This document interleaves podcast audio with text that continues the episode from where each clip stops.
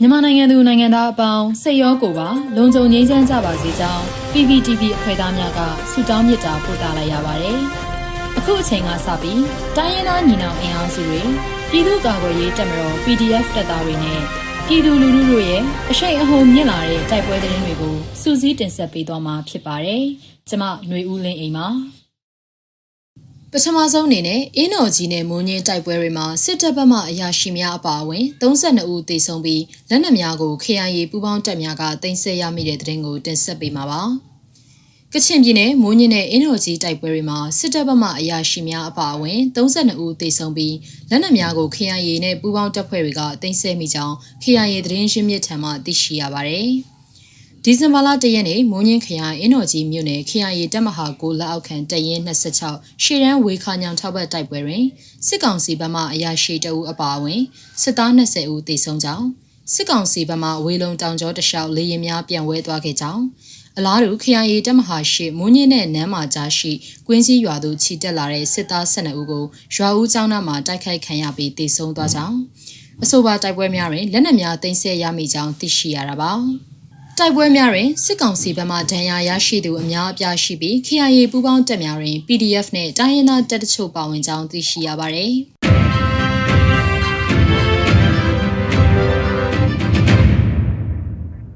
ကြိုက်ထိုရွှေခဲရိုးကျေးရွာနီစစ်ကောင်စီတပ်နဲ့ KNL ကြိုက်ထို PDF ပူးပေါင်းတပ်ကြားတိုက်ပွဲဖြစ်ပြီးစစ်သား10ဦးကျော်သေဆုံးပြီးကြိုက်ထို PDF မှ CDM ရဲတပ်သားတအူကြဆုံးခဲ့တယ်လို့သိရပါဗျ။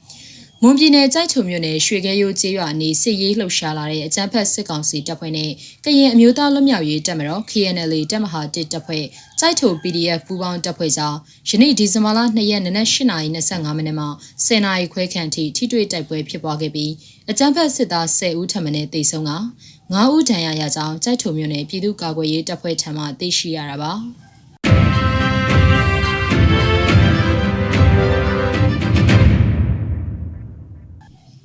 တင်ဆက်ပေးမှာကတော့နိုဝင်ဘာမှာစစ်ကောင်စီတပ်နဲ့တိုက်ပွဲ120ကျော်ဖြစ်ခဲ့တယ်လို့ MNDAA ထုတ်ပြန်တဲ့သတင်းမှာ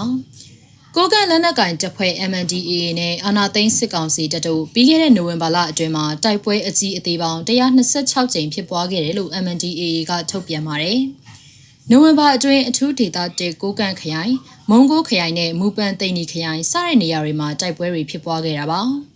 ကိုကန့်နယ်မြေဟုံရှင်းဒေသရှင့်ဝမ်ဒေသနဲ့ရှီရှန်ဒေသတို့မှာတိုက်ပွဲ12ကြိမ်ဖြစ်ခဲ့ပြီးမုံကိုနယ်မြေအတွင်းမှာ82ကြိမ်မူပန်နယ်မြေမှာ42ကြိမ်ဖြစ်ပွားခဲ့တယ်လို့ဖော်ပြထားပါတယ်။နိုဝင်ဘာလ12ရက်နဲ့13ရက်တွေမှာအပအခြားရက်တွေမှာတိုက်ပွဲတွေနေ့စဉ်ဖြစ်ပွားခဲ့တယ်လို့နိုဝင်ဘာလအတွင်းရက်ပေါင်း30ရှိရာ28ရက်မှာတိုက်ပွဲဖြစ်ပွားခဲ့တာပါ။စစ်ကောင်စီတပ်အနေနဲ့မြေပြင်ကထိုးစစ်ဆင်ရမှာလက်နက်ကြီးပစ်ခတ်မှုအလုံးအရင်ပြုလုပ်ခဲ့ပြီး နိုဝင်ဘာလအတွင်းမှာစစ်ကောင်စီတပ်က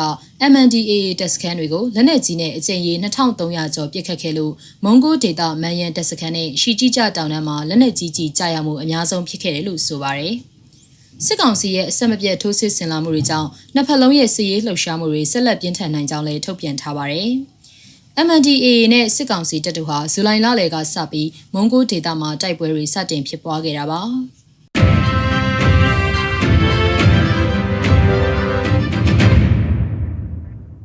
ဆက်လက်တင်ဆက်ပေးမှာကတော့ရွှေဘိုဇီးဖြူကုန်းရွာအနီးအရက်သားကားနဲ့ထွက်ခွာလာတဲ့စစ်ကောင်စီတပ်ဖွဲ့မိုင်းဆွဲတိုက်ခိုက်ခံရတဲ့တဲ့မှာ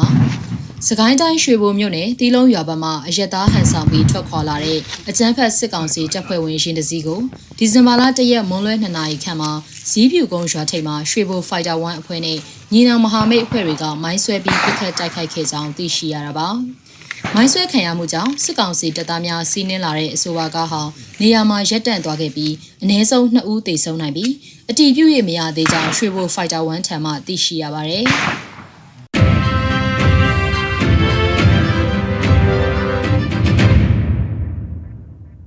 နောက်ဆုံးအနေနဲ့အမျိုးသားညီညွတ်ရေးအစိုးရပြည်ထရေးနဲ့လူဝင်မှုကြီးကြပ်ရေးဝန်ကြီးဌာနကဒီဇင်ဘာ2ရက်ရက်စွဲနဲ့ထုတ်ပြန်တဲ့ပြည်သူ့ခုခံတော်လှန်ရေးသတင်းချက်လက်တွေကိုတင်ဆက်ပေးသွားမှာပါ။